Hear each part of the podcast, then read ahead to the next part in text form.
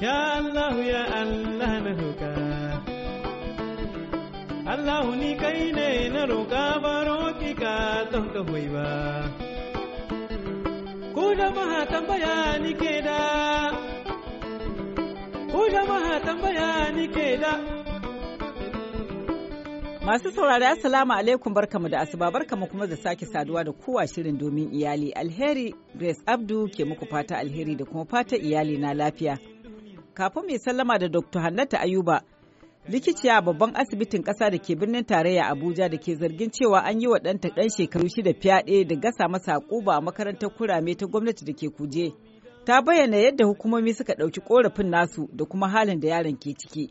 A lokacin sai bai cin abinci abubuwan sun taru mishi ga rashin cin abinci. Shi mai son tuwo da miyan kuka sai ya ci in aka yi sai ya ce ba zai iya ci ba bai san abu. Sai aka mana bayani ai su miyan kuka da su kube wanda yake cin na tuna mishi da su maniyi da sauransu da yadda ya mana bayanin kafin hutu. Ana danne shi a shi school fadan da abokanan su sa mai kashi a baki su danne shi su sa fitsari su dura mishi fitsari. So sai nuna mana ai baya son ma cin abinci. To haka aka lallaba shi. Ice cream ne abincin shi sai a bashi kamar kek yake dan iya yadda ya ci. Sai daga baya yanzu yake dan samun sauƙi alhamdulillah har yana iya cin tuwo farin shinkafa da mai da gishiri. Shi baban shi na makarantar yana ina lokacin da wa'annan abubuwan ke faruwa tunda shi ma ɗalibi ne a makarantar. Duk suna makaranta tare so ba mu sani ba. Kuma ba ku yi bincike ba bayan nan? To da yake an kira naptip mun je mun kai kara wurin naptip. Su yan naptip sun je har sun yi preliminary investigation. Sai na kara buga in ji yaya mai ake ciki suka ce to sun je sun yi bincike kamar na farko haka har sun gama bayan makarantar kamar akwai ramin da yara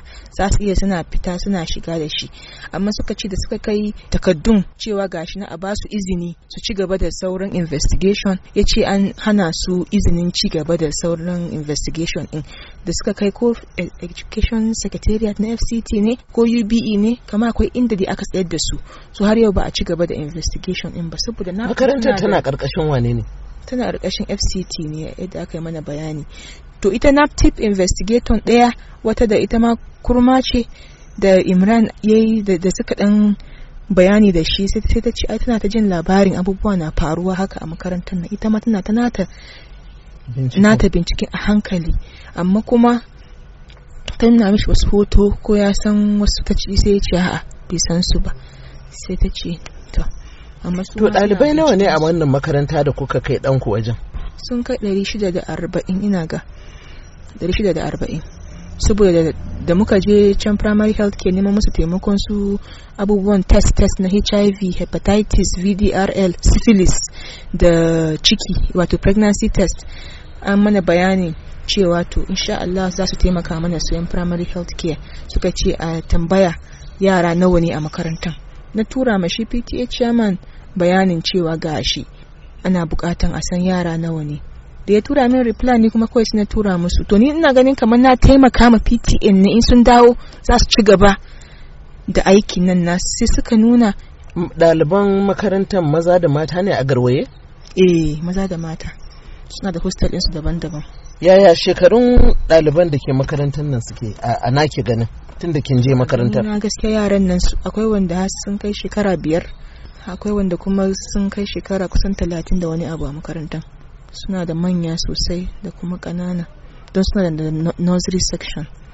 Kuma kina ganin wannan abin zai iya faruwa a makaranta ba tare da jami'an makarantar sun sani ba? A zai iya yiwa ba mamaki. To yanzu a ina aka kwana kan batun imran?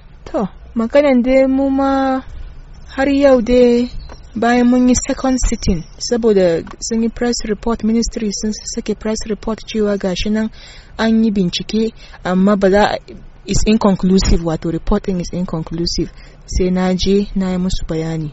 Aka shirya ran da za a yi second sitting muka je za a yi zama da ke? Yawa za a yi zama da ni. Muka je ce ministry of education aka yi min tambayoyi na yaggaya musu duka. Aka yi min tambayoyi na ba da ansa ni mana tambayoyi nawa. To a wannan zaman na musu bayani na ce ni ban taba zuwa neman wani abu ko kuɗi ko ko abu an bani saboda makarantar nan ba yadda aka nuna cewa aini ina neman kuɗi ne da ƙarya kamar da yaudara wa makarantar. Na ce musu kuma su nuna ma duk duniya in akwai wani takarda ko da an bani kuɗi ko an bani wani abu don makarantar nan su nuna ma duniya. Wato maimakon su ɗauki maganan imran da kika kai kuka sai amfani da shi sai kuma suka nemi su ɗora miki laifi. Eh hakan ne. Da wannan maganan fyaɗen ba su ɗauke shi da muhimmanci ba. Sun juya maganan ne tun ranar farko aka juya magana cewa mun ce ana cin naman yaran mutane a cikin makaranta. Aka juya wannan labarin tun ranar farko aka mayar da shi kamar wasan yara. So sai suka ma ɗauka wannan abun wato aini ina da ma laifi ne a ina neman ma kuɗi ne ma da shi. Abin da aka yi kenan. To yanzu wannan kwamiti ɗin da suka kira kin me suka ce miki? Bayan sun ji bayani na nima na yi musu tambayoyi na suka yi min bayanin su sai suka ce wai za su publishing report insu za su publishing report insu amma har yau ba mu ji labarin su ba. Saboda a, lokacin zaman da ni na tambaye su me yasa suka je har kaduna makarantar shi na demonstration school in a tambaye yaya shigan bayin shi da fitan bayin shi. Imran kenan? amma ba su je wurin police su ga police medical report in imran da kuma police confession video ba. Saboda yaron nan school father ai yayi confession. Kuma gaban dukanmu da iyayen shi da principal da yayan shi da maman shi duka da, da, da malamai duk yayi confession cewa ya yadda cewa eh yana ma imran ludu. Shi school father din Eh. wato baban shi na Eh, makaranta eh, kuma ɗalibi eh. shine yake wa imran fyaɗe? Eh shi yake masa fyaɗe kuma ya yi bayani. Ina cikin bayani ma cewa ai shi so ɗaya kawai ya yi ma imran fyaɗe. Imran ya je gaban deputy commissioner. A office in shi aka yi wannan. Ana ɗaukan video ma a lokacin. Imran ya nuna ya ce ƙarya ne ya ke fara kirgawa ya ce gashi nan sama da guso goma ya yi mishi. Ya nuna cewa gashi nan ya sa azzakarin shi a bakin shi.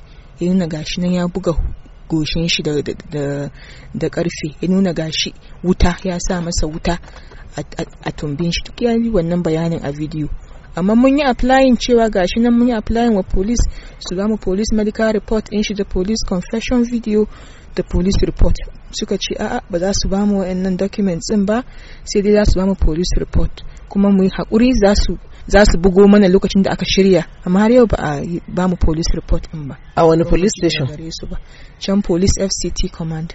Nan kuka je? Nan abuja eh. Kun samu ganin shi kwamishinan 'yan sandan? Shi deputy commissioner ne eh to amma shi deputy commissioner da da su ncid wurin ne aka yi ta wani deputy commissioner? Kin san sunan shi? Ban san sunan shi ba gaskiya. To baki san sunan wani jami'in ɗan sanda wanda kika je kuka mu'amala da su ba? A can fct command. Mm. eh akwai shi deputy commissioner na ana kiransa dc dc akwai kuma aon suna kiransa ao su ban san kuma duk baki san sunayensu ba. Mm, to a ina aka tsaya yanzu da maganan shi baban imran na makarantar wanda ya masa luwaɗin to mu dai mun ji labari cewa gashi nan an kai magana kotu kuma yaron an kai shi prison cewa amma zai serving mild term saboda shi ƙaramin yaro ne. Shekarunsa nawa ce shekarunsa ashirin da wani abu. To amma gaskiya ba mu san yaya aka yi ba. Ashirin da wani abu ƙaramin yaro ne? To haka suka yi mana bayani saboda na kasan da yake da shi za an kai shi wai can garin su. Haka dai muka ji Ina ne garin nasu? can kefi. To sai ba ku sake bi ba kenan?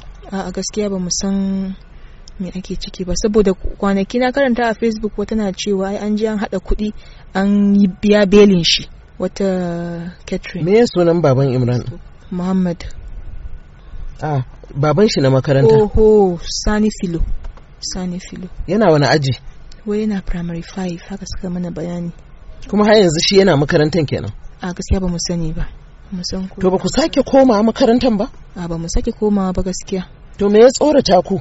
Mu mun damu da yadda halin da imran yake da, da, da, da saboda ya ta undergoing psychotherapy saboda malaman ƙwaƙwalwa sun ta mana bayanin yadda za mu dinga taimaka mishi ya samu ya rabu da wannan tsoron tsoron maza da ya yake yi yanzu da firgicin nan na dare da rashin cin abinci duk sun mana bayanin yadda za mu dinga taimakon shi ya samu ya babbar wa'annan damuwan su yi sauƙi ya samu ya iya rayuwa kamar yadda ya kamata. In ya ga maza tsoro yake ji? Ina tsoro sosai. To a nan za mu sallama da Dr. Hannatu Ayuba, mahaifiyar yaron da ke zargin an ci zarafinsa a makarantar gwamnati ta kurame da ke kuje Abuja. Sai kuma mako mai zuwa idan Allah Ubangiji ya nuna mana ku je mu da wani sabon shirin. Yanzu a madadin Dr. Hannatu da kuma wakilinmu Madina Dauda da ta mana hira da su da kuma Chubahiro Diodone daidai da sautin shirin alheri ke cewa Allah tabbatar mana da alherinsa. Za ku iya sake sauraron wannan shirin da dukkan batutuwa da muke gabatarwa a shirin domin iyali a shafinmu na intanet voahausa.com da alheri. Kai mata su ne duniya, su ne daɗin duniya, mata su ne duniya, su ne sarakan duniya. Komi don su muke. Ashe mu maza ba